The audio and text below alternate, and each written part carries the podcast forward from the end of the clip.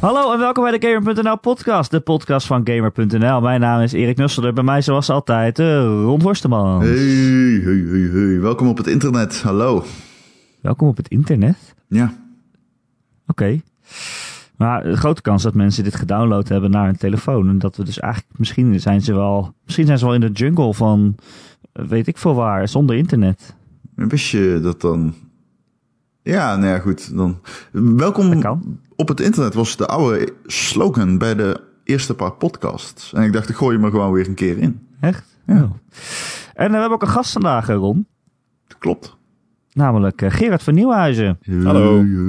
Hallo. Hoi. Onze, ja, onze, hoe moeten we je nu eigenlijk noemen? Oud-hoofdredacteur van Gamer.nl. Is dat de beste titel? Eh, ja, dat denk ik wel, ja. ja, ja. Je, je kan me ook degene noemen die eh, ooit eh, deze podcast heeft afgeschoten. Dat is waar. Maar ik wilde er niet over beginnen. Ja. Ja, we hadden ooit een pilot of een proefding opgenomen. Toen zei Gerard, Ik geloof er niet in. nou, la- laten, we, het- laten we het niet doen. Nee, nee, nee. Ja, maar, maar wees eerlijk, eh, Erik. Vond, vond jij die pilot echt heel goed van jezelf? Weet ik veel, ik weet niet meer wat erin Ik zat. weet het niet. Ik weet alleen dat ik iets te zeggen had over Ziggo. Dat was heel terecht, volgens mij. Ja, ik weet niet. dat- Ik, het was ook misschien de tijd of de setting. Ik weet het niet meer zo goed. Nou, ik weet wat het, was is, zo zeg. Ik weet precies wat het is. Jij dacht gewoon, ah, die fuckers, die houden er na drie weken weer mee op. En dan zitten we hier met een podcast die we hebben aangekondigd. Volgens mij was dat mijn grootste zorg inderdaad. Van, oh, hier, hier is de podcast. We, stap, we starten hem groot op. Nou, eh, Ron die, die gaat weer... eh, in het weekend staat hij weer in het café. Dan wordt er weer een weekje overgeslagen. Volgens mij was dat een beetje mijn, mijn grootste zorg inderdaad. Maar, eh, ja. Nou ja. Hebben jullie een keer een podcast gemist, een week? Nee, Nee, volgens mij Ziek. niet. nee, Nou, ik ben trots op jullie. nee, volgens mij niet. Helemaal niet. We hebben wel tijd, soms hè? dat we eerder op moeten nemen omdat er eh, iemand gaat trouwen of bijna doodgaat. Ja, precies. Ja, dat, dat, dat gebeurt één keer in de maand. Dat snap ik inderdaad. Ja, ja. Ja. Ik heb ook wel eens gehad dat Ron op zondagavond zei, oh, kan toch niet. Dat klopt, ja. Dat ik toen volgens mij Wilbert of zo gebeld heb. Please, podcast met moest- mij. Toen zeiden ze tegen mij, oh Ron, je moet trouwens live op tv. Oh. Oké. Erik, ik kan, Kan je dan niet. niet ondertussen podcasten? Ja, helaas. Vanavond mag ik weer. Oh, Maar, eh, Zonder maar, voor de maar- luisteraar gisteravond. Het is zondag. Maar als ik het zo Ja. hoor, dan is het elke keer een beetje Ron die af en toe afhaakt. Of is het ook wel eens andersom? eh, dat jij opeens alleen zit, eh, Ron. Eh, Ik werk wel het meeste, ik werk natuurlijk super variabel. Mm, Dus bij ja. mij is het, eh, ik denk Erik heeft gewoon een rooster. En ik heb alleen een rooster bij Omroep Brabant, waar ik nog steeds werk. En verder, al mijn opdrachtgevers zeggen gewoon een dag van tevoren tegen mij... Hey Ron, je moet morgen hierheen. Oh, oké. Ja. En dan, ja, dat is, dat is. Daar kun je geen nee Ja, tegen ja, ja. zeggen, zeg maar. Ja, daar krijg je geld voor. Ja. Over eh, geld gesproken, Ron. ja. Ik wil niet vervelend doen of veel reclame maken. Dat vind ik altijd heel irritant. Ja, Maar ik wil ik wel zeggen, vorige week hebben wij de Ron en Erik podcast opgenomen. Ja. Toen hebben wij een top, een top 5 beste dieren in games eh, gedaan. En nou, dat liep uit de hand. Ik moet zeggen, ik vind het misschien onze beste podcast die we ooit hebben opgenomen. Dus eh, ik wou alleen maar zeggen, als je dat wil luisteren, kijk dan eens op patreon.com slash Ron en Erik. Klein, kleine, klein voorproefje. Halverwege kom ik erachter dat Erik's definitie van dieren nogal breed is. Dus Wat is, Hoezo, wat is de definitie van dieren? Ik bedoel... ik zeg op een gegeven moment... Mag uit God of War de, de, de World Eater erin? En Erik zo, ja, dat is een dier. Ja, oké. Nou Is ja, er een top. slang? Dat is een slang. Slang is een dier. Ja, ja, ja, de welbekende World Eater serpent. Maar jij was in de veronderstelling dat het echt bestaande dieren die ook op aarde zijn, zouden moeten zijn. Erik, ik had Mewtwo. Oké. We gaan het er niet over hebben. We gaan het niet... Ik word weer super triggerd. Ik zit weer hier nu te stijgeren. Het is oké. Het. Het is oké. Alleen, je moet ook eens minder aan jezelf denken in dat soort top 5. Dat is mijn advies. Wat? Het is weer persoonlijke top 5. Laat maar. Hey, jongens, ja. Dus, eh, ja. Patreon.com slash Ron en Erik. Hey Gerard, hoe is het met jou? ja, goed. goeie, goeie overgang zo, ja. Ja, We ja. hebben jou eh, eh, mede uitgenodigd, nou ja, omdat het natuurlijk super gezellig is. En eh, omdat je graag wilde. En omdat eh, Ron het graag over eh, Baba is You wilde hebben. Eh, een eh, puzzelgame. Ja, Ja, eigenlijk moet jij vertellen wat het is. Ik heb het niet gespeeld nog. nee, want je had hem wel klaarstaan, eh zei je. Nou ja, kijk, ik ga volgende week op vakantie en dan zit ik tien uur in een vliegtuig. Ja, En dan heb ik mijn Switch mee en dan dacht ik, oh, ik, ik download Baba is You. Ja, ik, ik weet niet. Ik vind het tegelijkertijd een vliegtuig goede vliegtuiggame en tegelijkertijd ook niet, denk ik. Ehm, maar ik zal, ik, ja, ik zal eerst even kort even vertellen wat dat is. Het is dus een, eh, een puzzelgame. Ehm, en in elk level heb je ja, bepaalde objecten staan. Een vlag, eh, zijn muren, je hebt eh, rotsen. Ga zo maar door. Maar wat ook in Wacht, wat voor game is het, eh, Gerard? je? Ja, iemand. Wat, wat voor game is het? Een puzzelgame. Ah, Oké, oké, dankjewel, dankjewel. Erik, genoteerd of niet? Het is puzzel. Erik, wat? wat? Het is Gewoon, puzzel. nee, niet weer die discussie, hè? Moet ik die link er even doorsturen? ik zei niks, hè Ron. Ik liet het gaan. Keer. ik hoorde jou, ik hoorde jou op de achtergrond. Ja, ik hoorde het wel. Maar ik liet het gaan. Het is puzzel. Eh, waar was ik? Oh ja. Eh, nou ja, naast dus eh, vlaggen, rotsen, dat soort dingen in het level staan ook woorden. Zoals, ja, die gewoon beschrijven, de, de objecten beschrijven. Dus er staat rock, er staat wall. En daarachter staat een bepaald statement. Dus er staat, staat bijvoorbeeld is you, eh, is stop, is meld, is float.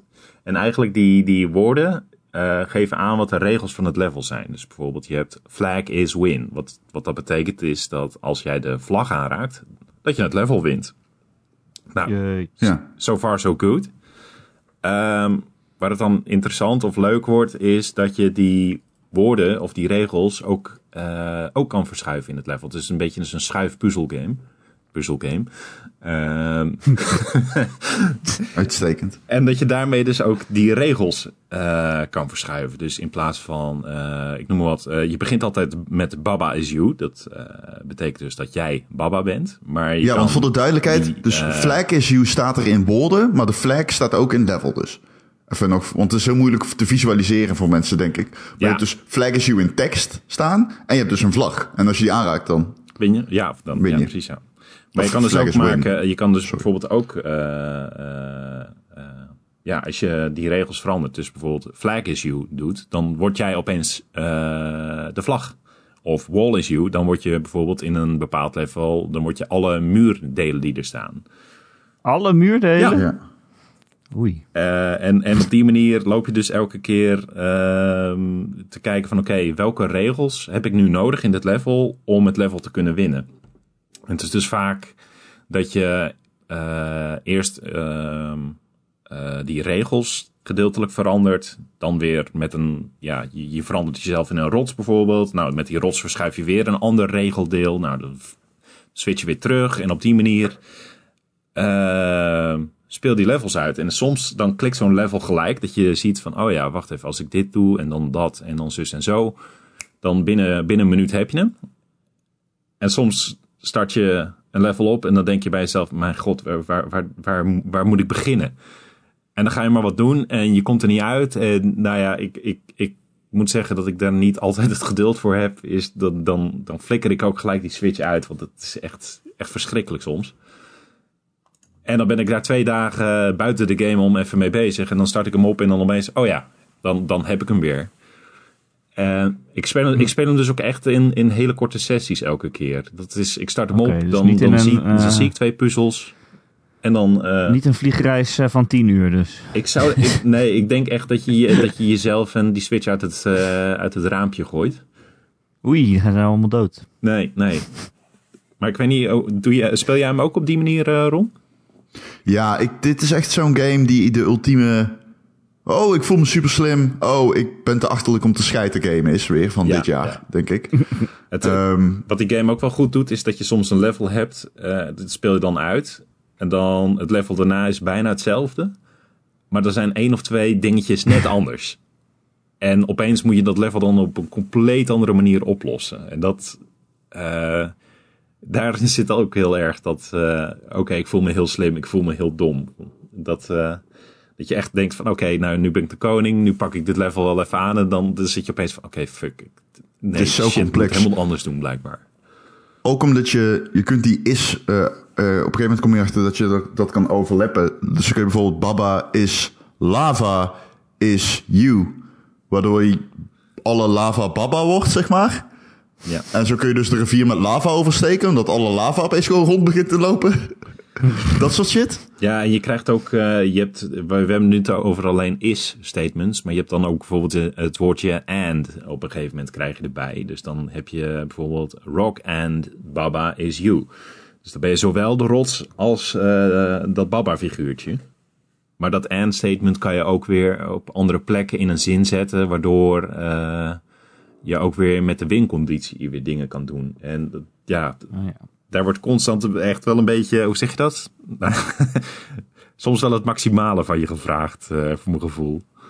Ja. En kan je die woorden gewoon random eh, in andere zinnen stoppen? Of is dat ook echt een puzzel dat je erheen moet lopen? Of? Nou, soms Nou, het is wel. een soms ja, wel. soms, eh, soms zit je even te klooien met de ruimte die je hebt om, om zinnen in een bep- bepaalde volgorde te zetten. En dat vind ik ook gelijk de minst leuke levels. Want ik vind dat het eigenlijk echt puur om de regels zou moeten draaien. En ja, dat schuifgedeelte is soms dan... Soms maak ik de fout van dat je, eh, dat je zo'n woord eh, tegen een zijkant schuift. En dan kan je hem niet meer van de zijkant eh, ja. eh, halen. Want dat Ah, is- alleen maar duwen. Volgens mij krijg je wel op een gegeven moment ook nog een, een mechanic erbij, het, het woordje pool. Maar zover ben ik nog niet. nou ja, dat, wat dit, zo, zo speel ik die game. Dus ik, ik heb er nu volgens mij een paar uur in zitten. En dat, dat gaat echt met twee, drie puzzels per keer. Want Oh jee. ja, ik, ik vind dat echt eh, bloedje irritant. Maar ik vind het wel, het zit wel echt heel goed in elkaar. Het is een ontzettend slimme puzzelgame. Ja, Het, ziet er ook niet uit als een soort van mooie game. Nee, het nee, is wel het- cutesy of zo, maar het is niet per se, eh, eh, hoe zeg je dat, fidelity mooi of zo. ja. Alleen, het heeft wel gewoon echt charme. En het is een hele slimme puzzelgame. Dus ehm, dat, dat, dat is geen toeval dat je het ene moment heel erg slim vindt en het andere moment heel erg dom. Die puzzels zitten gewoon ontzettend goed in elkaar. Ehm, Ja. En dan maakt het ook heel erg leuk om... ehm, want je weet ook wel van, als ik hem wegleg, dan duik ik er dadelijk weer met veel plezier in. Dus in principe, ja, het is moeilijk, maar je legt hem weg omdat je weet dat je daarna weer met een verse blik naar kunt kijken. En dat doet soms wonderen. Het is, eh, ja, de gelijkenissen met de Witness in die zin, die zijn er wel. Ja, zeker wel. Maar ik zou, hem, ik zou hem niet in het vliegtuig spelen. Ik zou de Witness zou ik ook niet. Nou ja, de Witness trouwens misschien nog wel, omdat dat, je daar ook een beetje exploration hebt en zo. En dat heb je Ja. in Baba is You natuurlijk echt nul. Want Nee. Het zijn echt uh, Nee. rammen met die puzzels achter elkaar. En nou ja, Ja. Dat, dat zou ik dus niet, dat zou ik niet willen doen in het vliegtuig. Nou ja. Nou, ik heb bij de Witness ook, dat helpt ook van als je bij één plek niet verder komt, dan ga je even ergens anders heen en dan probeer je even iets anders. Ja, en dat heb je hier eh, veel, veel beperkter. Je, hebt, eh, je moet per wereld of per level, sectie, moet je zoveel puzzels oplossen. En dan mag je verder naar de, de volgende wereld. Oh ja. Oh, dus je hoeft niet per se alles op te lossen. Nee. Nee, nee dat, dat is wel eh, prettig. Maar die, eh, ja, dit, oh, ja eh, het, het schaalt wel snel op per wereld. En je krijgt echt... eh, Wa- Wat is papa eigenlijk voor beest? ja, Ik zit er nu naar te Is het kijken. een dier? Wat, wat is het? konijn? Is het een... Een konijntje. Konijn of Het is zo? wit en het Kon- heeft oren. Konijn, hond? Een konijn. Stel je zou een, Ja, je ja. zou een top 5 ja, dieren ik wou net maken. zeggen, ik vind het wel een, eh, echt een heel goed dier. eh.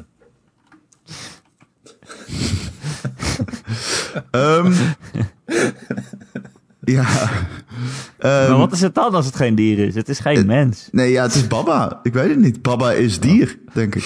Ja, Ehm, Ja, maar dit is wel Ja, de manier hebt- waarop je op een gegeven moment gaat nadenken. Dat is echt dat je.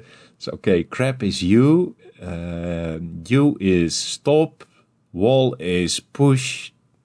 Door is melt. En dat je, dat je echt. Dat je, die- ja. En op een gegeven moment kom je daar niet uit. Dan voel je echt als een complete. Ja. maar is er ook, is elk level maar op één manier op te lossen? Nee, volgens mij niet. Ik, ik, nee, Nee, nee, ik weet- zeker niet. ik weet vrij Nee. zeker dat ik echt bepaalde levels heb opgelost. Dat ik twijfel of de makers het op die manier bedoeld hadden. Maar waarschijnlijk zijn de makers wel slimmer dan ik. Dus ja. Nee, absoluut. De- Je hebt meerdere manieren om ieder level te doen. Dat maakt het juist zo leuk. Cool. Ja. Eh, nou, ik ga het dus uitproberen. Zeker, doen. Maar misschien moet ik ook nog een andere game erop zetten dan voor in het vliegtuig. Dat zou ik wel doen. Ik heb nog wel, ik ik heb nog wel een goede tip. Hey, ehm, veel eh, nieuws ook afgelopen week. Ja. Ik denk het eh, belangrijkste waar we het misschien even over moeten hebben... is eh, het artikel van Kotaku over eh, BioWare. Wat een held, hè? Ja. Jason Schreier. BioWare? Echt mijn held. Ik, ehm, ik heb een keer voor hem geschreven voor de website Laatscherm. Over hem. En sindsdien hij echt... Ik heb hem ontketend, zou je kunnen zeggen. Nee, je hebt hem groot gemaakt. Ja, ik heb hem groot gemaakt. Maar sindsdien eh, heeft hij echt zoveel onder... Hij, zijn bronnen zijn alleen maar beter geworden binnen de industrie. Ik heb het gevoel dat hij toen dat boek heeft geschreven... heel veel bronnen heeft, heel veel kennis heeft gemaakt met andere ontwikkelaars. En Ja, nu zit ik hij er echt zo dat, diep eh, in. Het is echt een soort van sneeuwbal. Mensen weten hem ook te vinden. Het wordt een sneeuwbaleffect natuurlijk. Dat denk ik wel, ja. Dat als jij nu een ontwikkelaar bent en je werkt ergens en er is iets aan de hand... dat je dan eh, vertrouwelijk Jason Schreier eh, contact mee opneemt, toch? De kans is groter dat als er ontslagen vallen bij jouw bedrijf... en je werkt in de game-industrie... dat je het hoort via Kotaku dan via je werkgever tegenwoordig. Ja, ja dat, dat is toch ook wel gebeurd inderdaad, ja. Ja. Nou, je- Dat is toch wel een, eh, een kwaliteit voor een journalist... eh, om daar zo bovenop te zitten. Ja, zeker. Nou, maar als je, als je, als je, den, als je zijn naam hoort, dan, dan, eh, dan denk je ook gelijk aan, eh, eh, ja, aan, aan, aan eh, unis- zo, ik kan het woord niet uitspreken, aan, eh, vak, aan vakbonden bijvoorbeeld. Eh, ik, ik weet niet wat, wat dat is met het Engelse woord. Maar Nou daar ja, zit hij heel Laat ik erg het zo op. zeggen. Als ik op de redactie zou zitten bij Omroep Brabant... en ik zie Jason Schreier binnenlopen... dan maak ik me zorgen. Laat ik het allemaal zo zeggen. dan weet je dat je dagen geteld zijn. Ehm, anyway, hij had dus een heel eh, artikel geschreven eigenlijk over Anthem. Eh, over waar het mis is gegaan eh, in de ontwikkeling van Anthem. Ja, ik kan wat, wat dingen opnoemen natuurlijk. Ehm, hij schrijft bijvoorbeeld dat er heel veel ziekteverzuim was wegens stress. Dat sommige werknemers echt weken, soms zelfs maanden eruit moesten... omdat ze helemaal eh, aan de grond zaten qua burn-out. Ehm, ja, hij schrijft eigenlijk over het... eh, eh, het beslisproces over die game. Dat er eigenlijk geen beslissingen werden gemaakt. Dat er vergaderingen waren over, oké, welk gameplay mechaniekje moeten we toepassen. En dat aan het eind van die vergadering was er nog niks besloten. Bijvoorbeeld het vliegen in die game, dat is er een paar keer weer uitgehaald en er weer in gedaan. Eigenlijk wist niemand wat voor games ze aan het maken waren. Dat was eigenlijk een groot punt. Ehm, ja, iets anders. Ze zaten weer met die Frostbite engine te klooien. Wat ze Ja. bij eh, Dragon Age Inquisition ook al last van hadden. Maar die game was op een of andere wonderbaarlijke wijze toch goed geworden. Eh, maar ja, dat is nu dus eh, mislukt. Ja, en dat, ja, dat, dat, dat punt vond ik echt een van de pijnlijkste punten. Dat er echt meerdere mensen zeiden van... we hoopten eigenlijk dat Dragon Age zou falen... zodat er qua bestuur echt wat zou veranderen. En, en hoe games gemaakt eh, werden. Maar dat het helaas een succes Ja. werd, waardoor... Nou ja, eh, Anthem weer op dezelfde klooierige manier in elkaar eh, werd gezet. Ja. Het is echt heel pijnlijk Ja. als, je, als, je, als je hoopt dat je eigen product eh, faalt, omdat je zoveel werkstress eh, hebt. Ja. ja, er staan Ze een paar dat, dingen in die ik... ja, ze noemden dat BioWare Magic. Dat Ja, Ja. Oh, Heel vaak in het verleden was het zo dat ze gewoon tijdens het ontwikkelen nog niet precies wisten wat het werd. En dan eigenlijk in de crunch van de laatste, het laatste jaar of zo, dat daar in die tijd de game een beetje bij elkaar kwam. En een beetje, oh, zo van, oh, dit wordt het. En nu is het toch wel goed. Ja, d- d- Eh, eh, dat ze daar eigenlijk op vertrouwd hebben de hele Ja. tijd. Zo van, ja, maar op het eind snappen we het ineens. als, dus eigenlijk is Dragon Age Inquisition een zegen en een zorg gebleken in die zin. Want ik bedoel, ja, het, is, ja, het is een soort van magisch is- denken uit een, uit een tijd die, die echt wel een beetje voorbij is. Ehm, games zijn zo complex geworden en dan heb je ook nog eens een Frostbite engine die het nog complexer maakt. En dat je dan zegt, ah, kom wel goed, kom wel goed. Weet je, nee, kom wel goed. Eh, weet je, als, een als de Titanic, ja, nee joh, die ijsberg, whatever. ja, hallo. eh, Ja, de Titanic kon je ook niet meer patchen. nee. Maar wat ik er even, ik wil een paar dingen uitlichten die ik dan opmerkelijk vond. Hè, waar ik dan van denk, van hè, hoe is dat, hoe, hoe komt dat zo tot stand? Bijvoorbeeld dat, hij is in juni 2017 is die game vanuit pre-production naar productie gegaan. Eh, en in herfst 2018 hadden ze de launch gepland. Ja, hoe dan? Dat is Ja. bizar. Wat? Wat? What? Die game moest nog gemaakt worden. Nou ja, dat gingen ze natuurlijk niet halen, maar dat wist je al. Maar ook bizar. In juni 2017, dus van, dus van pre naar productie. Juli 2017. Dat, toen was de E3. Dat was wanneer Ja. we die E3-trailer hebben gezien. En die demo die ze toen hebben laten zien op de E3 was dezelfde demo als Patrick Sunderland, Su- Su- Sunderland van eh EA. Hè, natuurlijk oud DICE. Ja. Ehm, kreeg voorgeschoteld. En die zei, oh, dit is precies wat ik wil. Dit is wat ik hoopte dat het zou gaan worden. Want die eerdere demo, daar was hij dan niet over te spreken. Nou, dat is uiteindelijk ook de demo gebleken die ze dus hebben laten zien op de E3. En waarvan ze dus in die interviews ook zeggen van, ja, het lijkt er helemaal niet meer op eigenlijk. Ehm, Nee. Dit was gewoon wat we hoopten dat het kon worden. Nou ja, Ja. niemand had ondertussen, zelfs in de lagere regionen van, ehm, eh, van ehm, BioWare eh, Edmonton in Canada, wat zeg maar het eigenlijke oude BioWare is. Ehm, niemand had daar nou echt een idee van hoe zit het nou precies met de ontwikkeling van deze game. Er was een gebrek aan lead designers. Eh, er kwam iemand te overlijden, mensen gingen weg. Dus je hebt dan drie BioWare studio's met grote gaten in de design apartments.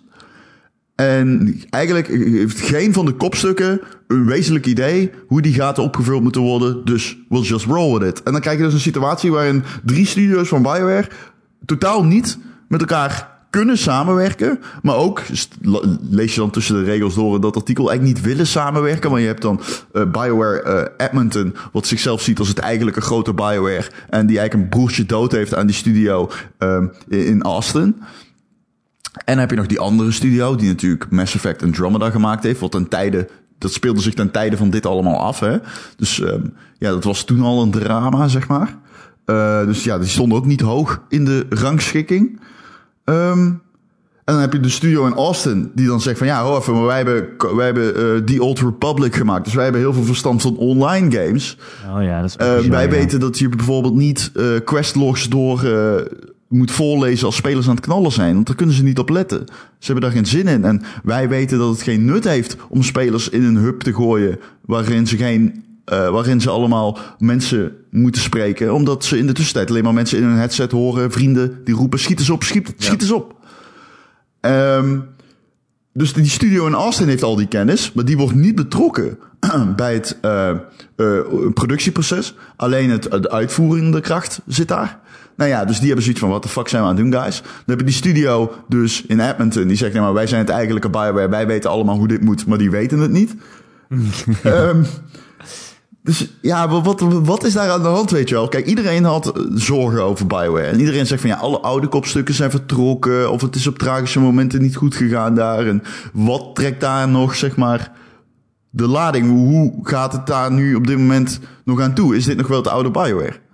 En als je dan eigenlijk dit artikel leest, dan worden die zorgen heel reëel. Ehm, dit is niet het oude Bioware meer. Dit is gewoon een, een samenraapsel van misschien wel talentvolle, maar weinig zeggende namen binnen de Bioware Ja, ik, ik, ik, franchise. ik, ik, ik, ik weet niet of het, of het per se is dat er. Ja, nou ja, weet je, er is ook wel. Hè, er zijn veel mensen weggegaan, enzovoort, enzovoort. Maar het zijn wel gigantische studio's. Dus het is niet per se dat het uit elkaar gevallen is. Ik, ik denk dat het echt meer gewoon ook heeft te maken met de organisatiestructuur. En, en dat er gewoon niet een. een, eh, de schaalvergroting die op een gegeven moment Ubisoft moest doormaken. Met bijvoorbeeld de ontwikkeling van elk jaar weer een Assassin's Creed. Daar heb je ook. eh, we hebben ook een Unity eh, gehad. Dat was ook Ja. intens kut. En dat, dat was het, het leerjaar, denk ik, voor Ubisoft. Om te snappen hoe je met zes studio's over verschillende werelddelen zo'n game in elkaar moet timmeren elk jaar. En BioWare heeft volgens mij die les. Nou ja, ik weet niet of ze hem nu dan geleerd hebben. Ik hoop het wel. Maar ja, die les hebben ze blijkbaar nog steeds eh, hebben ze nog niet gehad. En nou ja, dat zie je dan heel erg aan Anthem. Ehm, en dat, dat, dat was dan een soort van de positieve noot ergens die ik nog wel las. Van dat er nog wel een soort van spirit in die studio's zit om eh, en Anthem te verbeteren en het in de toekomst beter te doen. Maar ik denk dat het echt een soort van ja, misschien wel groeipijn is. Ik hoop het wel. In plaats van een, een soort van ja, eh, eh, bom onder, eh, onder de boel waardoor het uit elkaar klapt. Nou ja, het zou kunnen. Het is zo, Austin, dus die studio achter The Old Republic, gaat zich nu ontfermen over het online. Dus- die gaan zeg maar de, de, alles de, de, de content nu aanpakken. En ik denk ook wel, als je dit leest, dan zie je ook al van, oké, maar er zit, het eigenlijke Anthem was heel anders dan het Anthem wat we nu spelen. Maar dat wil niet zeggen dat dit niet per se een goede game kan gaan worden.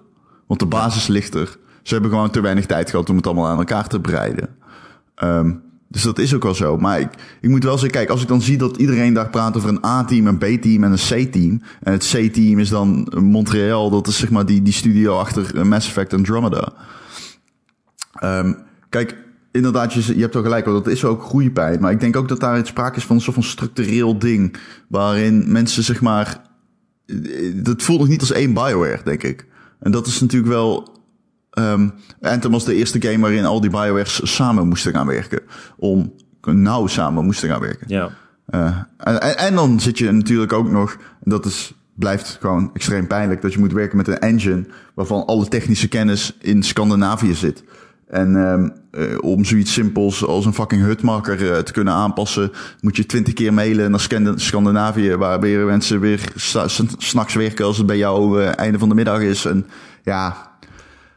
Ja, die, ja, die beslissing die, die voelt raar. Ik, ik, heb, ik weet ook niet hoe het met de FIFA-games zit, want ik, ik speel al een paar jaar geen FIFA meer, maar volgens mij kwam dat ook kort voorbij dat op een gegeven moment daar uh, dat het uh, hè, alle ballen op FIFA was. Want ja. die game moest ook over naar Frostbite. En, uh, ja. Haha, alle ballen, ik snap het. Ja, leuk hè. ik dacht gewoon er tussendoor. Anders wordt het ook zo'n zwaar gesprek. Maar ja, nee, klopt. Volgens mij was dat ook een, tenminste dat las ook als een soort van, ja, alle mankracht moest daarop en dat dat, dat ook moeilijk was. Ja, dat, dat leest ja. niet alsof je tempo aan het maken bent. En als je nu, nu die Ubisoft games ziet, ja, je kan, ja, ik vind het, het zijn echt blauwdruk games. Hè? Je kan ze over elkaar heen leggen en uh, je ziet precies uh, uh, wat er gebeurt eigenlijk. En daarom vind ik ze heel voorspelbaar en ook saai. Maar ja, ze worden wel geproduceerd op, op een bepaald kwaliteitsniveau. En, en, dat baart me nog het meeste zorgen. Dat je zegt van oké, iedereen gaat over naar dezelfde engine, want dan kan iedereen er gebruik van maken. En bij elke game die wat anders is dan Battlefield, zegt iedereen: Oh jezus, we, we moeten met Frostbite werken. Dat, ja, dat voelt nou niet echt uh, alsof je dan gebruik maakt van uh, de interne kennis die je aan het opbouwen bent. Nee. nee. Nou ja, het is duidelijk aan de ene kant. Uh, eigenlijk, ja, dat eigenlijk alles misgaat. Hè? Je hebt dus inderdaad EA die per se die engine wil gebruiken, die helemaal niet gemaakt is voor dit soort spellen uh, bijvoorbeeld geen save systeem had of zo, moesten ze dat zelf maken. Of een, een, een inventory systeem moesten ze allemaal ja. zelf bij elkaar hacken. Um, en EA ook, die, die geen uitstel meer wilde geven. Die zei het moet, het moet dit fiscale jaar uitkomen, dus voor maart. Ja. Um, maar ja, aan de andere kant heb je dus ook BioWare die de hele tijd geen beslissingen neemt en eigenlijk niet duidelijk maakt of zelf niet eens weet wat voor spel ze aan het maken zijn, jarenlang. Uh, ik vond dat heel opvallend dat je, inderdaad wat jij zei Ron, die game is in juni 2017 aangekondigd op de E3. Um, met, met een demo. Maar eigenlijk die onthulling op die E3 was voor heel veel ontwikkelaars die bij BioWare zaten zo'n moment van, oh zijn we dit aan het maken? Heel oh, veel dus mensen wisten nog niet doen. dat die game Anthem heette. Nee, dat, zo heette die ook nog helemaal niet. Nee. Nee, dat vond ik ook zo, zo verbazingwekkend. Die game heette heel lang Beyond, maar dat kregen ze uh, de, juridisch niet rond. Misschien hadden ze er een paar dagen voor de E3 Misschien hadden ze een subtitel hebben ze het. Uh, ja, zoiets met Two Souls. Two Souls. Ja, Two Souls. Ja, maar ze kregen dat niet rond. Dus een paar dagen voor de E3 is het Anthem gaan heten. Maar op dat moment was daar nog helemaal geen reden voor. Het verhaal was nog niet eens geschreven. Ze hebben pas achteraf met terugwerkende kracht iets geschreven over de Anthem of Creation en zo. Terwijl die game al zo heette. Ze hadden nog helemaal geen verhaal. Ik vind dat echt bizar. Dat je gewoon maar denkt, oh Anthem, dat klinkt cool. Wat vonden jullie, te, wat vonden jullie van de eerste reactie uh, van BioWare, die, die binnen 10 minuten online stond nadat het artikel live stond? Ja, ja ook, die, die reactie was dus op basis van bullet points die Schreier had doorgestuurd ja. naar EA en BioWare. Dus zij hadden het artikel nog niet gelezen. Nee, en in dat artikel stond... had dus op hun blog uh, meteen al een antwoord uh, uh, neergezet. En daarin zeiden ze eigenlijk, ja, we hebben niet meegewerkt aan het artikel omdat we vonden dat het te veel, te aanvallend was op individuen binnen onze studio. En daar, daar zijn wij niet van. Maar als je dan dat, die reactie leest, dan kom je tot de conclusie dat zij helemaal geen idee hadden wat er in dat artikel stond toen ze die reactie nee. moesten schrijven. Was- Dus ze zeggen echt van, eh, ja, het is eh, heel persoonlijk en dergelijke. Maar dat is helemaal niet zo persoonlijk. Alleen, voor, het wordt gewoon van de- al die mensen die, die persoonlijk worden aangehaald, die komen allemaal aan het woord. Ja, dus het- het, het- gaat vooral het, over het, mensen. het voelde echt alsof, de, de- alsof iemand zo hoorde van... oh, dit artikel gaat live. Oh, kut. Dan zal ik wel het haasje zijn. Nou, dan, dan vind ik echt heel stom dat, dat jullie mensen aanvallen... en dan vervolgens blijkt het gewoon een heel algemeen structureel probleem te beschrijven. En dan zit je echt zo bij zo... oh, ja, hm, ja, oh. precies. Ik bedoel, Ja. worden er namen genoemd, want als het ergens fout gaat, dan Ja. vertel je wie, wie er, wie er aan het hoofd staat of wie het aan het managen is. Maar het wordt dus niet zo van, oh, die is er echt super slecht in en zo, bla bla bla. Nee. Het is helemaal niet zo'n persoonlijke aanval. Het is Nee, meer een feitelijke beschrijving van. Nee, eh, er worden echt vooral lead devs aangehaald, maar ook niet specifiek als in zijnde hij deed dit of dat fout. Nee, ja, het was absoluut meer zo van, die stond aan, ten tijde van toen aan het hoofd van dit. Het gaat eerder over het gebrek aan duidelijkheid... en het gebrek aan beslissingen dan, dan over een... een eh, tyrannieke samenstelling van een studio waarbij de baas alles bepaalt en werknemers niks mogen bepalen. Nee, precies. Nou ja, dat, het is meer dat er zoveel onduidelijkheid is dat er niks beslist wordt. Ja. Ik vond het ook wel een beetje een, een les voor ons of zo. Of ja, wij weten dat eigenlijk al, maar ook een soort van les voor, iedereen podcast, die eh. persconferenties kijkt. Ja, nee, voor iedereen die persco's kijkt en trailers kijkt. Zo van, weet je, het is allemaal nep. Het, het, is, eh, het is allemaal hype. Ik bedoel, je kijkt naar een trailer van Anthem en het ziet eruit alsof ze precies weten wat voor games ze aan het maken zijn. Maar die game die ze daar laten zien, die bestaat toch helemaal niet. Nee. Dat is Eh, altijd zo. Dat- Het is allemaal nep. Ja. Maar het is altijd zo. Als je Ja, dit luistert en je wist het, het- het- niet. Het is altijd zo. Het zijn vertical slices die gemaakt worden voor de E3. En zo'n vertical slice is altijd gefabriceerd voor de E3. Of voor het whatever je op dat moment wil laten zien, welk event dan ook. Ja. De les is pre-order geen games op basis van persco's. Nee. Maar goed. Eh, ja. Eh, moeten we er nog meer over zeggen? Ik hoop dat Dragon Age 4 goed wordt. ik, durf, ik durf het niet meer te hopen eigenlijk. Ja, is ja. er al een game geweest die gebruik maakt van Frostbite, waar we geen klachten over hebben gehoord? Ja, al die sportgames valt het mee, hè? Dan heb je niet nou, zoveel. dat eh. stond er volgens mij ook in dat FIFA ook best wel de tijd nodig had om op Frostbite te kunnen draaien. Ja, maar daar hoor je niets. Daar hebben we nooit klachten over gehoord. Ik heb die developers geïnterviewd. Ik heb daar nooit iets over gehoord. nee, maar daar hebben ze Nee. toch echt de, de experts van Frostbite vol opgezet. Van ja, ik bedoel, eh, Ja. FIFA is Oh, ook ja. gewoon Dat de zeggen ze in dat artikel. Ja, dat zeiden ze ook. Hè, van, bij EA werkt het heel simpel. De franchises die het meeste geld, eh, die het meeste geld binnenhalen, die krijgen als eerste voorrang bij tech support. Ja. Is het voor jullie niet ook gewoon duidelijk dat de manier waarop AAA-games gemaakt worden, is gewoon stuk? Ik bedoel, Ja. als zo'n groot deel van je werknemers overspannen thuis zit, eh, omdat je crunch time hebt. En we hebben dat natuurlijk al vaker gehoord, ook wel bij Red Dead bijvoorbeeld en ja, heel veel andere games. Het, het is gewoon een beetje kapot, toch? Het kan zo toch niet verder? Dat Nee. kan geen baan zijn, toch? Dat je gewoon jankend, dat je een jankkamer hebt op je kantoor. Ja. Ja. Ja, ja, dat- ik kan er niet zoveel over zeggen dan dat het inderdaad niet echt houdbaar is. Het, maar ze voelt, ze voelt het toch al jaren met AAA-games. Ik bedoel, er vallen, het is- gewoon een afvalrace geworden. En alleen als je groter dan groot eh, eh, slaagt bij bij een release, dan, dan, eh, nou ja, dan kan je volhouden wat je aan het doen bent. En dan maakt het ook eigenlijk geen fuck uit wat er met de mensen om je heen gebeurt. Maar als je een keer een flater slaat, ja, dan, dan slaat die dubbel in. Want je bent financieel eh, ben je het haasje en, en, en je hele moraal van je hele complete studio is eh, naar de tering. Ehm, Ja. Ik bedoel, eh Bungie is nu eigenlijk gaat, eh, is nu zelf uitgever geworden, of hoe moet je dat zeggen? En ik, Ja, Ja, ze zelfstandig.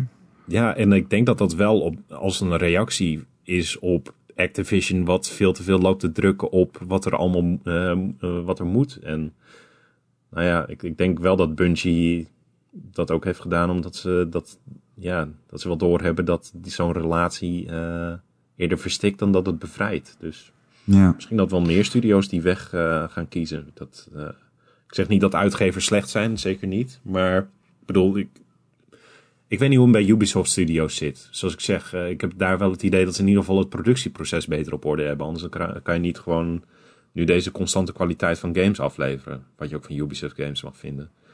Ehm, ik heb wel het idee Ja. dat het moraal daar beter in elkaar zit. Ik hoor daar in ieder geval, ik kan me niet heugen dat ik daar de laatste jaren in ieder geval verhalen Hm. van heb gehoord. Maar En ze krijgen de tijd. En, ja, het wordt hier vaak geloofd. eh. ze hebben, ze hebben daar wel op een gegeven moment gezegd, oké, en nu is het even klaar met dat jaarlijkse gedoe met Assassin's Creed. Nu slaan we een jaar over. Ehm, het heeft zowel de franchise goed gedaan als de mensen, denk ik. ja. Ja. Nog, nog heel even twee, één ding eigenlijk over Bioware. Want dat vond ik wel, vond ik wel dat maakte ik er wel uit op. Zeg maar, Dragon Age Inquisition leek heel erg mis te gaan. Maar omdat het juist uiteindelijk goed is gegaan, en dan kom je weer bij die Bioware Magic, maar omdat het juist goed is gegaan, hè, mede dankzij eh, Mark Dara, die het zeg maar eh, uit het slop heeft getrokken. Die trouwens ook in dit geval bij Anthem uit de slop heeft getrokken, want hij heeft gewoon gezegd op een gegeven moment van oké guys, en nu gaan we gewoon deze game finalizen. Eh, en toen was er eindelijk iemand die de knopen doorhakte binnen dat team. Dus toen werd Anthem een computerspel. Maar ehm, dat het uh, Dragon Age Inquisition... had een auto kunnen worden, vliegtuig. eh, Ja. Ja, nou ja het- als je die berichten leest, dan wordt het wel duidelijk dat het gewoon echt eh, Ja. nergens echt heen leek te gaan. nee, precies. Uh, maar Dragon Age Inquisition is ook de game geweest die zeg maar het leadership daar in stand heeft gehouden. En de manier van werken ook. Als die game geflopt was, was er misschien nog iets veranderd. Snap je? Dan waren ze eerder tegen die muren Ja, aangelopen. precies.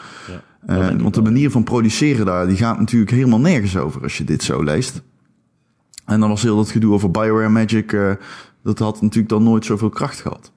Dus ergens is dat zowel, wat ik net al probeerde te zeggen, het is eh, ja, een zegen en een vloek geweest, dat Dragon Age Inquisition. Maar ma- mag ik een bruggetje maken van jou, Erik? Ja hoor. O- over Altijd. Magic gesproken. Uh-oh. Oh ja, Weet je wie er eh, afgelopen week ook Magic eh, stond te doen? Dat was geen persconferentie, dat was fucking magic. Ja, ja, ja. ja. Ik, ik vind het echt jammer dat ik het, eh, dat ik het live heb gemist. Eh, ik- het, het was een spektakel als ik, het, eh, als ik zo de Ik berichten teruglees. zat live te kijken. Ik zat live te kijken. Voor wie het niet weet, de onthulling van op PAX East werd Randy Pitchford, wel bekend als je de podcast goed geluisterd hebt, drie weken geleden, vier weken geleden. eh, eh, on, on, on, on- onthulde onder meer Borderlands 1 Remastered en ehm, Borderlands 3 Ja, Ja. in een stream. ja, Waar Ja. eh, een miljoen mensen naar keken bijna. zo. Hm. Heel veel.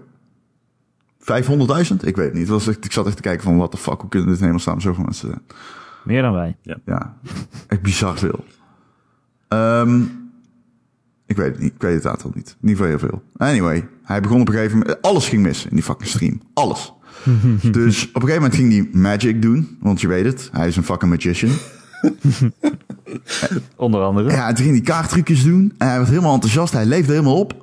En toen gingen ze trailers laten zien. En nou, de, het eerste trailer die ze lieten zien was van uh, Borderlands 1 Remastered. Die werd vier keer ingestart. En iedere keer, het begint als, begon gewoon te stutteren, weet je wel. Uh, alsof je je drivers niet hebt geüpdate. Je VLC-drivers achterlopen.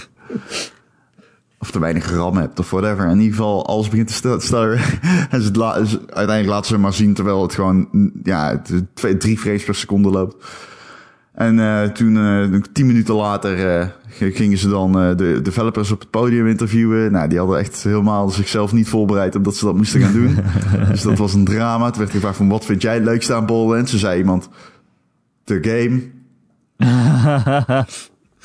um, nou, daarna toen, uh, was het al Borderlands 3 tijd. Toen deed uh, Randy Pitchford zijn jas uit. Zei hij, dit lag klaar op mijn hotelkamer. Hij trekt zijn jas uit, heeft hij zo'n zo'n overhemd aan... met op de achtergrond heel glitters 3 uh, staat. Het numerieke 3.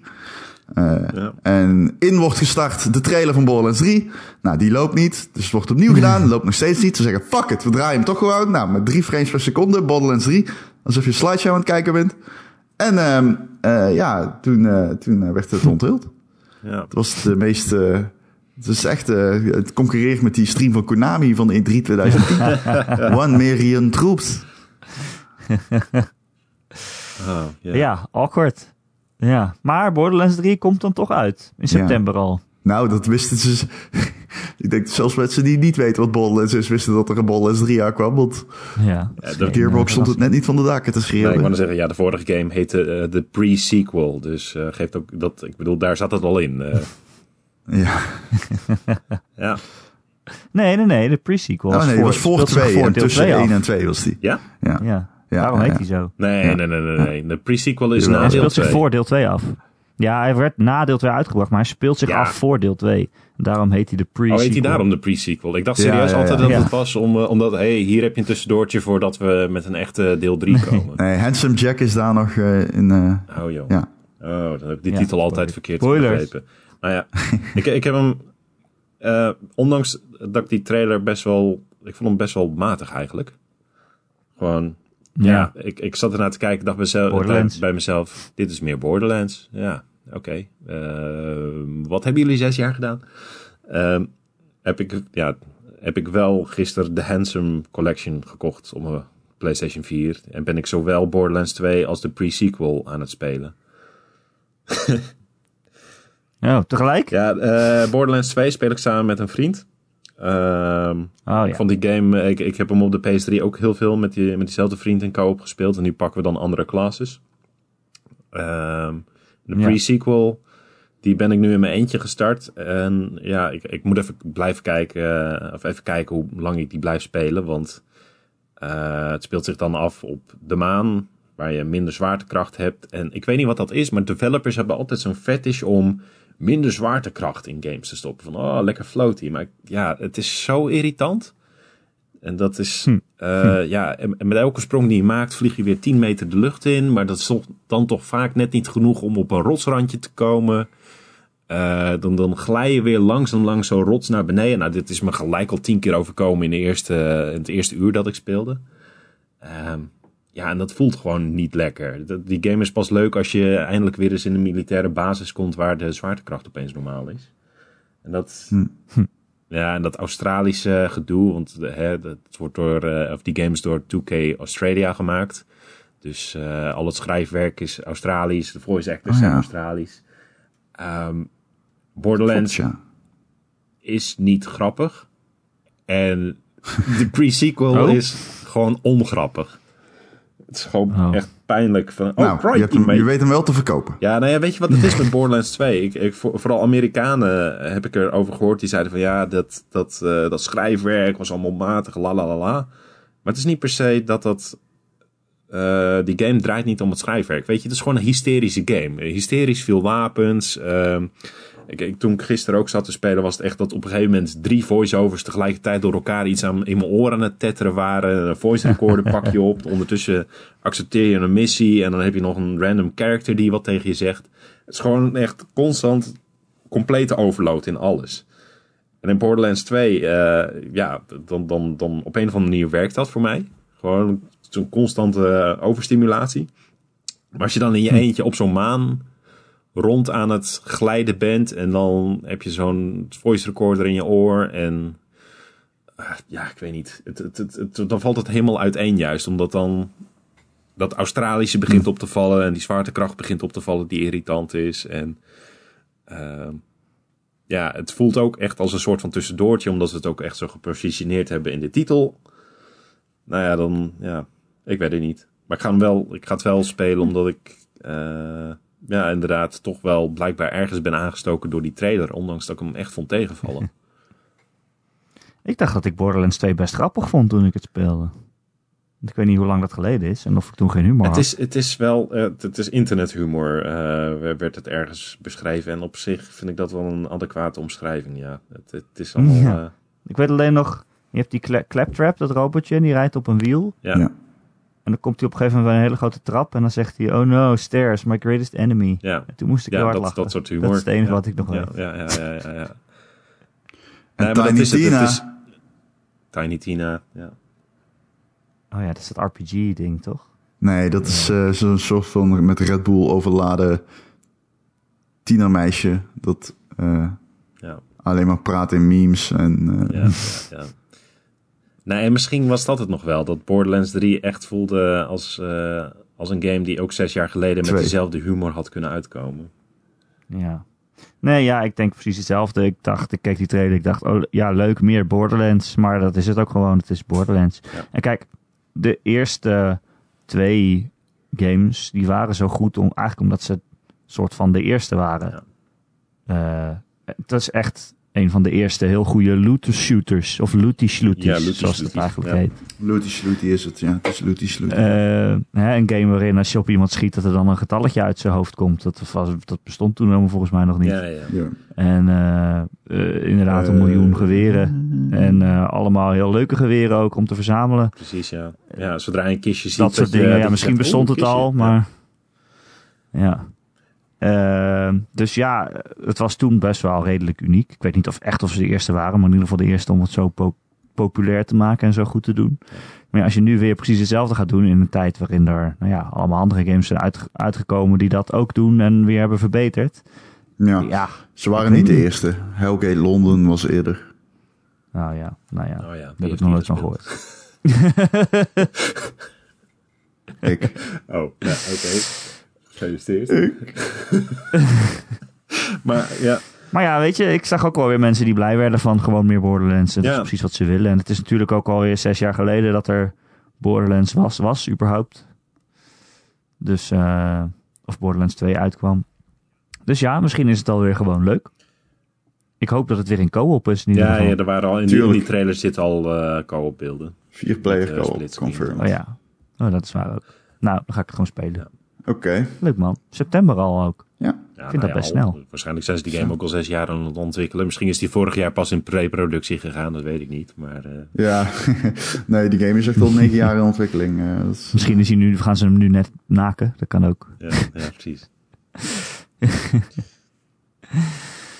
Eh, zullen we naar de vragen gaan, jongens? Ja hoor.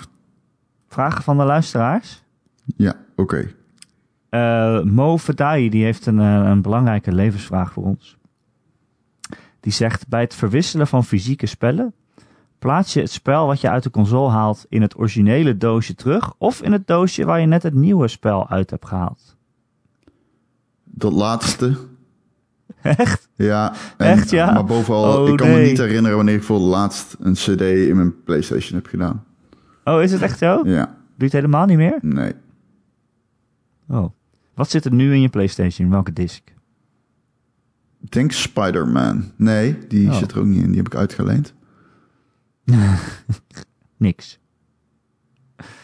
De Division 1? Ja, dag. Ja, denk ik. Ja, ik denk de Division 1. Ja. Ja. Jij, Gerard? Ik, eh, ik plaats het bijna altijd terug in het, eh, in het doosje van het originele spel. Ik, heb het, ik, ik heb hier ook een soort van traumatische ervaring mee dat ik dit een keer niet heb gedaan. En op die manier ben ik Super Monkey Ball 2 kwijtgeraakt voor de Gamecube. Of hij zit ergens in een Ja, doosje? die, ja, nou ja, precies. Ik, ik, ooit heb ik die blijkbaar in een ander Gamecube doosje gedaan. En dat Gamecube doosje is verkocht. En ik ben de Super Monkey Ball 2 op die manier kwijtgeraakt. En dat is wel... ja. Dus vragen om problemen. Je moet altijd in hetzelfde doosje terug doen. ja, ja, ja. Nee, voordat ik ging samenwonen, deed ik het inderdaad gewoon in het nieuwe doosje. Dus deed ik het verkeerd. Gewoon omdat je dan haast hebt. En dan denk je, ik wil dit nieuwe spel spelen. Ik doe dit wel even hierheen en dan ruim ik het later wel op. Ehm, toen ging ik samenwonen en toen zei Lara, hé, hey, waar is die game? toen kon ik het niet vinden. Dus eh, ja, nu mag het niet meer. Nee, maar ja, ik speel ook niet zoveel nu fysiek dat ik het inderdaad nog problemen mee heb. Nee, ik ook niet meer. Nee. Is ook zo. Eh, Darkness die vraagt: Snappen jullie dat er mensen V-Bucks kopen in plaats van gewoon een nieuwe game? En Ja. V-Bucks, dat zijn de, de, de, het geld in Fortnite. Snappen ik moet zeggen, ik snap het heel Ja, goed. dat? Snappen wij dat? Snappen wij dat? Als dat jij- mensen hun geld uitgeven aan V-Bucks? Ja, überhaupt. nee, weet je, als jij heel veel plezier beleeft aan Fortnite en je speelt dat eh, tientallen uren per week of per maand of zo, en dat is de game die jij speelt, dan vind ik het helemaal niet gek dat je daar geld aan uitgeeft. Dat is gewoon heel normaal. Is toch, Dan kan je wel een nieuw spel kopen, maar als jij Fortnite wil spelen, dan doe je dat toch lekker. ben ik zeggen, dit is, toch- dit is toch gewoon het businessmodel? Of, eh, Ja, dat überhaupt. Nou ja ik, vind ik, ja, ik ben niet iemand die geld gaat betalen voor cosmetische shit. Dus ik zou het zelf niet doen. nee, ik doe het niet vaak, Nou ja. maar wel eens. En dat wel eens, daar, nou ja, dat drijft zo'n heel spel op natuurlijk. Ja, ja, is het zo? Drijft het niet op mensen die juist heel veel geld uitgeven? Ja, nee, tuurlijk. Nou ja, weet je, ik, ja, het gaat om de, om de whales inderdaad. Die, eh, die er duizenden eh, euro's insteken over tijd. Maar ook de groep mensen die af en toe eens wat kopen, die, die is ook belangrijk natuurlijk. Ja. Er is, ook een, er is ook trouwens een naam voor, maar die ben ik even kwijt. Meeuwen? Weet het niet. Meeuwen? Ja, nee, ik weet het niet meer. Minnows. Ja, Visjes. ja middo's. Ja, ik Piranha's. meer. Ja, zoiets. Er is ook een term voor. Dat is ook een dier. Ja, klopt. Ja, dat zat ik ook te denken. Ja. Wow, mag je in de top 5 dieren, game dieren ook whales doen? Ja. Dat zijn mensen met geld. Hmm. Daar moet ik even over nadenken. Maar eigenlijk eh, is de mens ook een dier. Filosofisch. Eh, Silent Shade die vraagt eh, eh, anno 1800. Die is tot aan de release op Steam verkrijgbaar en daarna alleen in de Epic Store of via Uplay. Ik voel me daarom gedwongen om te pre-orderen door deze keuze, omdat ik mijn games graag op één distributieplatform heb, in dit geval bij Steam. Maar ook door gebrek aan vertrouwen in de Epic Store en in Uplay. De keuze om het zo te doen ligt bij de uitgever is, is volgens mij een geldkwestie. Maar toch hoor ik graag jullie mening over deze constructie en eventueel een wijs advies wat in deze verstandig is om te doen. Ja, er zijn heel veel games eh, die nu aankondigen dat ze exclusief of tijdelijk exclusief in de Epic Store komen. Eh, Epic Ja, gooit er natuurlijk allemaal geld tegenaan om eh, Ja. exclusieve dingen te regelen. Wat, wat Ja, vinden jullie Borderlands 3 daarvan? Is dat erg? Oh, Borderlands 3 ook. Nou, daar ga je al. Is dat erg? Moeten we dat erg vinden? Ja, ik weet, ik weet niet. Weet je wat het is? Eh, vroeger k- keken PC-mensen altijd heel erg naar consoles. Van ah, exclusieve dit en dat. Eh, wat, wat zit je te kletsen? Kijk wat je allemaal exclusief hebt op PC. En nu, je hebt het over een launcher, hè? Ik weet niet. Ik, ik, vind, het, ik vind het echt geen boeiend verschil. Nee. Eigenlijk niet. Tenminste, ja. eh, ik hoor ook zoveel mensen altijd klagen over het Steam-platform. En ik ben er zelf ook eentje van. Van oké, het, het is gewoon. Je kan er nooit wat vinden. Het is gewoon een teringzooi. Eh, ik heb het idee dat, dat, app, of dat Valve ook een hele eh, ja, hands-off approach heeft met eigenlijk alles aan dat platform. Qua functionaliteit, qua, qua community en noem het maar op. En dan krijg je een alternatief waardoor je ook gewoon een concurrentie in de markt krijgt. En dan ga je erover lopen zeuren. Ja, ik, ik weet niet.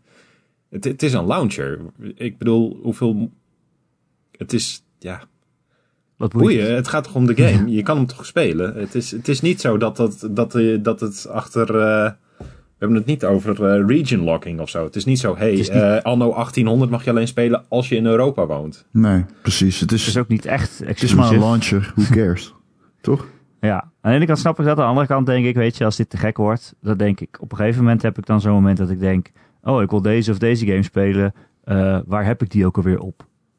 Ja. Dan Ja. zit ik Steam op te starten en dan, oh nee, daar zit hij niet. Ik heb hem op Epic, of heb ik hem in Uplay, of heb ik hem eh, iets, iets anders. Maar goed, hij staat op je nog. PC. Dat scheelt. Ja, dat is waar. Ja, maar weet je, dit is ook.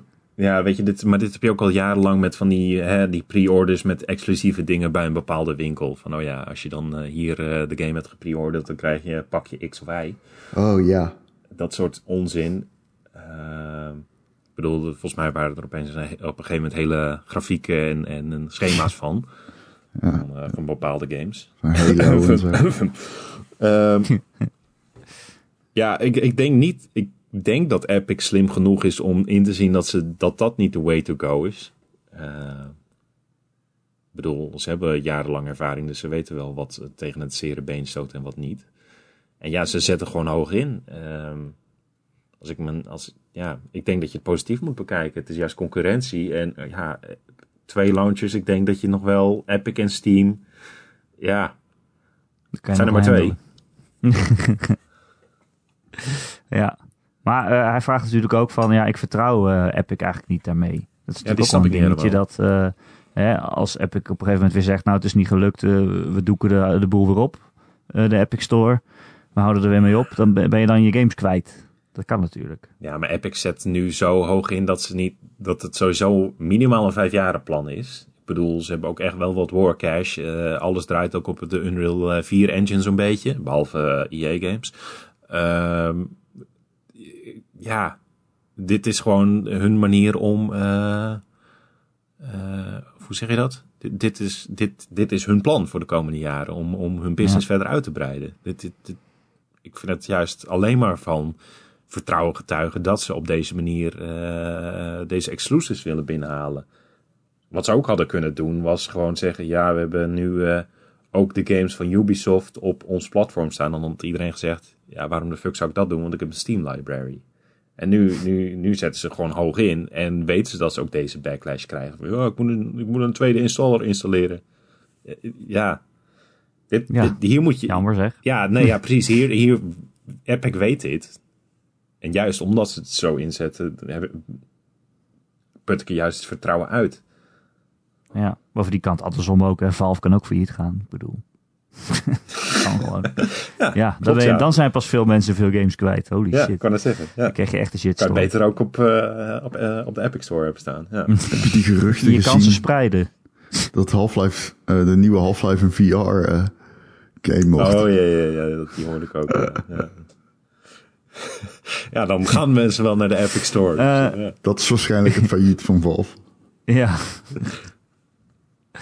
Laten we nog één vraagje doen. Eh, Marijn die vraagt: Hebben jullie quotes uit games die jullie in het echte leven zijn gaan gebruiken? Ja, Ja, echt? ik zeg altijd heel flippendo als ik op de wc zit. Eh, nee, hebben jullie dat? Ja, ik weet het eigenlijk niet zo goed. Wake enige wat ik kan verzinnen is wel- Als we, als, ik, als we pizza gaan eten, dan zeg ik altijd Itza Pizza. Oké. En dat is, eh, zo heette een minigame in, in Mario Party. Dat vond ik echt super grappig. Want hij zegt natuurlijk altijd Itza Mario. Maar ze schreef het zo iets, Itza Pizza als dat je hem gaat eten. Ik zeg altijd, ehm, wake me when you need me. Net nadat ik in iemand ben klaargekomen. Naar het einde van Halo 3. oh god. Oh god. Ging zo goed. Het was zo'n goede podcast. Jij Gerard, komt er iets te boven? Of, eh? Nee, absoluut. Nee, eigenlijk niet. Als ik. Nee, ik, ik denk ja, dat ik meer dingen. Ik denk dat ik meer dingen quote uit, uit de Simpsons of zo. En ik weet ook niet waarom, want ik kijk de Simpsons eh, echt al tijden niet meer. Maar. ik denk dat ik wel eens oh oh spaghettio zeggen bijvoorbeeld of zo. Dat... Oh jezus. Ja. Ik zeg wel eens, eh, nee jij bedankt tegen mensen. Dat komt uit deze podcast. Ja, dat doe ik wel. Spot, podcast memes niet. gebruik ik wel in het echt. Onbewust. Niemand begrijpt ze. Maar Eh, jongens, wat zijn jullie nog aan het spelen? Gerard, wat ben je nog meer aan het doen? Oh, nou, Oh. Nou, nou, nou. niet veel. Gerard. Oh, nee, sorry, weet jullie dat jij, even eh, heel kort weg. Dus vandaar. Oh, eh, ik oh. dat eh, wat je aan het doen bent op games. Oh, wat ja, ben ik wil alles... Ik wil namelijk alles weten over Production Line Car Factory Simulation. Ja, eh, zo. Eh, ja, ik weet niet precies waarom ik die, dat spel heb gekocht. Maar wat het is, is een. eh, ehm, je moet een productielijn in elkaar schroeven van een, van een autofabriek. En dat is dus. eh, hè, eh, je moet een stationnetje bouwen waar een eh, chassis in elkaar wordt gezet. En dan een station, een stationnetje waar eh, de wielen eraan worden gemonteerd. En dan moet je aan elkaar verbinden met lopende banden. Oh, Jezus Christus. Je hebt een gigantische tech tree, waardoor je nieuwe substations bijvoorbeeld vrij speelt. Dus je hebt bijvoorbeeld een, een eh, eh, substation waardoor eh, het wielen monteren bestaat uit vier eh, verschillende taken. Dus bijvoorbeeld, oké, wieldop erop zetten, de velg eromheen, eh, band opblazen en, en nog wat. Door die vier su- substa- substations eh, kan, je die, kan je die taken aan elk substation geven achter elkaar. Want sommige taken duren langer dan de andere. Dus het is efficiënter bijvoorbeeld om te zeggen: oké, een wiel erop zetten duurt drie keer zo lang als de band opblazen. Dus heb ik drie keer zoveel wiel eh, erop zetstations nodig dan eh bandopblaasstations. En op die manier ben je dus constant bezig om je lopende banden, substations uit te breiden en eh, constant je hele fucking fabriek eh, opnieuw te herleggen. Ehm, waar ik het een beetje mee vergelijk is, eh, in Rollercoaster Tycoon bijvoorbeeld, heb je ook wel eens dat je zegt, oké, als ik nou dit pad even linksom leg, dan de draaimolen verplaats en dan de achtbaan een andere looping laat maken, dan kan ik ervoor zorgen dat bezoekers makkelijker naar de bosauto's kunnen, ik noem maar wat. Oh ja, en ik moet nog even de berg verplaatsen en, eh, en, eh, en eh, de bomen weghalen en weet ik veel wat. En dan ben je een uur verder en dan is het eh 2% effectiever. Nou, dat is dus deze game constant. En het is, super leuk. Ja, het is echt, je moet echt in zo'n zo'n mode zitten dat je zegt, oké, eh, ik, ik, ik zit in de opruimstand. Ik wil het constant efficiënter maken. En, en ehm, Dit is echt de ultieme Gerard game. ja, het is echt alle, constant gaan de getalletjes een klein beetje naar boven. En het is echt, eh, als je daar goed op gaat, dan ga je ook heel goed op deze game. Het is soort van Factorio, toch? Zo klinkt het een beetje. Ja, ja, ja. Ik, ik, ik Factorio niet gespeeld. Factorio is volgens mij ook meer dat je echt een beetje, er zit meer een crafting systeem ook in, volgens mij, toch? Ja, klopt. Ja, en dat, dat heb je hier dan niet in. Het is gewoon oké. Je hebt gewoon een productielijn. En die productielijn kan je met substationnetjes gaan uitbreiden. Heb je meer lopende banden nodig. Meer fabrieksruimte. Oh shit, ik moet heel de lopende band een kilometer om gaan leggen. Nou, dat is ook weer niet efficiënt. Laat ik maar weer opnieuw beginnen. Ik, Het is- Oké, nou, klinkt leuk. Het is best wel, het- ik vind het best wel tof, maar ik, ik speel hem ook echt alleen als ik in een soort van eh opruimmodus zit. Want anders dan, dan is het echt alleen maar pielen en, en het is nooit efficiënt genoeg naar je eigen zin. Je hebt ook van die mooie eh, taartdiagrammen die aangeven hoeveel procent van je machines constant in gebruik zijn. Nou, dat wil je natuurlijk ook altijd hoger krijgen. Dus eh, als je goed op dat soort dingen gaat, ga je hier ook heel goed op. Oké. Dus, eh, Oké, klinkt echt super kut. Ja, nee, ja, dat, eh, ja, dat klopt wel. Erik, ben jij nog iets aan het spelen? Ik ben eh, Sekiro aan het spelen, Ron. Ik ook. Ron. Godverdomme, Ik wat een Sekiro spel, Erik. spelen. Oh, wat een Ik spel. haat Sekiro. Ik hou van Sekiro zoveel. Ik ook. Ik ook heel veel. Oh, het is zo Ik goed. Ik had, ben echt verbaasd over hoe goed ik het vind. Ik vind het fantastisch. Ik hou er zoveel van. Ik ben verbaasd dat ik het nog aan het spelen ben. Want normaal geef ik dit soort dingen altijd wel op, zeg maar, op een gegeven moment. Ah, ik speel hem echt lang en veel ook. Hoe Maar jij ver? bent er ook best wel slecht in. Eh, ja, hoe zou jij dat moeten weten? Nou, ik was op een gegeven moment bij een punt. Ja. En toen, zei, toen vroeg jij, eh, waar ben je? En toen vertelde ik dat. En toen zei je, oh, dan ben je even ver als ik. En toen bedacht ik me, hé, maar in de podcast zei je dat je al 30 uur aan het spelen was. Nou, ik zei dat om En jou ik te motiveren echt- om verder te Ik spelen. was pas echt aan het begin. Voor mijn Ik zei dat serieus om jou te motiveren om verder te spelen. Oh, echt? Ja. Oh, godzijdank. Oh. Maar ja, soms ben ik heel slecht in en soms heel goed. Maar ik ben nu wel op een punt. Ik kan eigenlijk naar vijf verschillende kanten of zo. En aan, eh, bij elke van die kanten eh, ga ik dood. Ja, ik ben daar, ik, ik ben daar dus eh, nu ook bij een minibos in dat stuk. En eh, ja, ik heb precies hetzelfde. Ik, ik zeg niet dat ik er heel goed in ben, hoor, want daar ben ik absoluut niet. Sterker nog, ik denk ook, ook dat ik er slecht in ben. Maar ik leer graag. En ik vind het ontzettend leuk om te leren in die game. Ja, en er is één zo'n guy met een speer en ik heb hem echt al honderd keer geprobeerd en ik ga steeds Oh, die heb ik ook, dood. ik, ja. Het is echt onmogelijk om hem te killen. En... Maar ik blijf het proberen. Gisteravond ging ik, ik om 11 uur in bed. Toen ben ik gewoon opgestaan om het toch maar weer even te proberen. Omdat ik in mijn hoofd zo zat van fuck nee, ik weet niet wat ik moet doen. Fuck die speer. Ik hoef alleen maar goed te dodgen. Het is zo makkelijk, denk ik dan. Het is zo makkelijk. Je hoeft alleen maar gewoon goed te parryen. Ja, en Ja. er is zo'n guy op een dak en die is onmogelijk. Oh, die heb ik nog niet gezien. En nee. Lady Butterfly kom, kom ik ook... eh, ja, die, moet echt gewoon dood. Die eerste keer kan ik haar killen zonder, achter, zonder te ge- geraakt te worden. Die eerste, het eerste leven, maar die tweede leven, Ja. de hele tijd als zij die zieke, lichtgevende shit die op je afkomt, daar heb ik nog geen eh, methodiek voor. Volgens mij moet je daarvan wegrennen. ja, dat ontwijken. Ja, we moeten ontwijken. Maar het is niet te doen. Ik ga daar ook de hele tijd dood. En dan denk ik, oh, misschien ben ik gewoon nog niet sterk genoeg. En dan ga ik ergens anders heen. En dan ga ik daar ook dood. En dan denk ik, oh, misschien ben ik niet sterk genoeg. en dat doe ik zo twee uur. En daarna denk ik, oh, misschien ben ik gewoon slecht in deze game. Heb je al die verborgen ruimtes ontdekt al? Weet ik veel. Hoe moet ik dat weten of ik die al ontdekt heb? Heb dat zie je één. omdat hij dan met zijn elleboog op de muur tikt en dan loopt hij de Ja. verborgen ruimte in. Ik heb er één gevonden. Oké. ik weet niet hoeveel er zijn. Dus ja. Is dat die bij Lady Butterfly? Ja, Ja, die had ik ook. ja, ja. Maar goed. Ik voel me heel slecht in die game. En soms dan lukt het ineens weer. En dan denk ik, ah fuck, ik ben echt een koning. Ja. Dat is zo goed aan die game. Het is gewoon fantastisch. Het voelt altijd wel eerlijk. En alsof ik weet wat ik fout doe. Eh, maar ja, het gaat nog steeds fout. Het is echt, echt een hele vette game. Ik word wel een beetje ziek van de discussie over een Assist of Easy mode op Twitter. Oké jongens, we snappen Oh, ja. het. Hou je bek allemaal dicht. Eh, Je maar- kan ook gewoon de podcast van vorige week luisteren. ja, kan Ja, ook. ik. Ehm, Hoe ver eh, speelde jij altijd eh, een Dark Souls game, eh, Erik? Heb je die uitgespeeld? Of, eh, Eh, Dark Souls ben ik nauwelijks aan begonnen. En daarna dacht ik, oh, ik vind deze games nooit leuk, dus heb ik nooit gespeeld.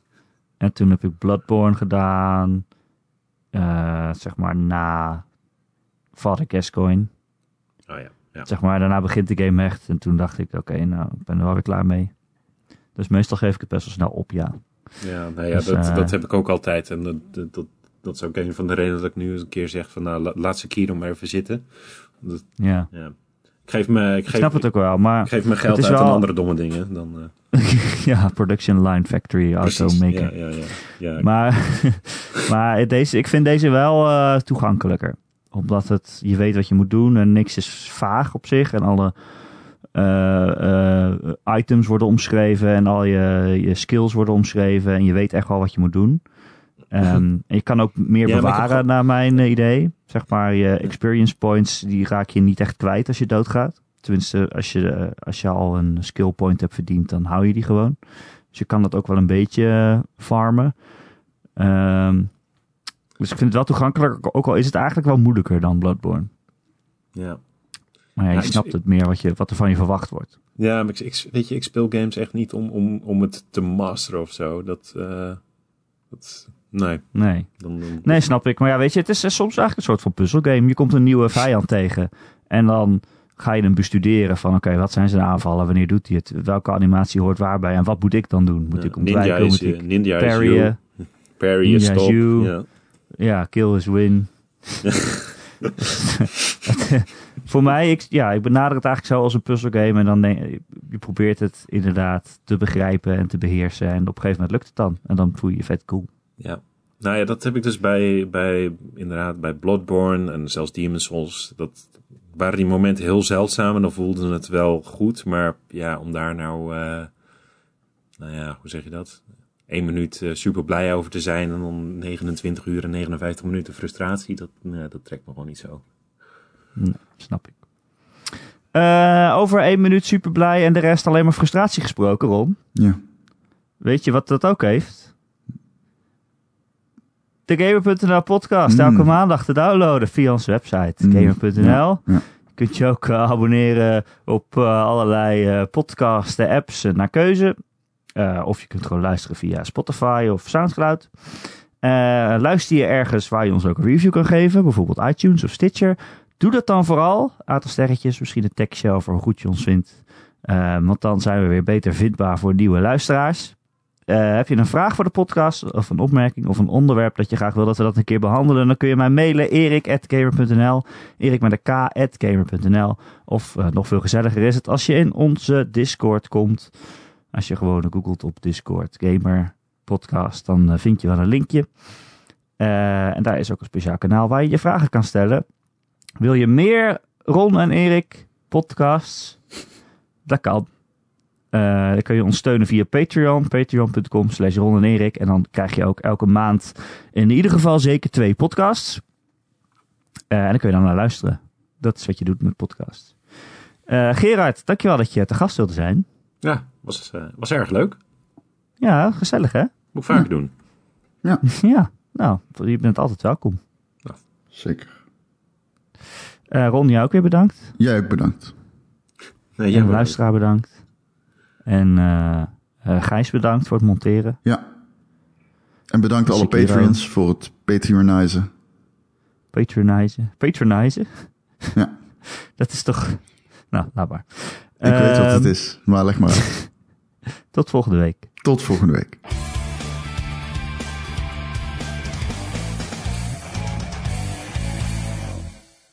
Let's go. Boyo, Erik Nusselder.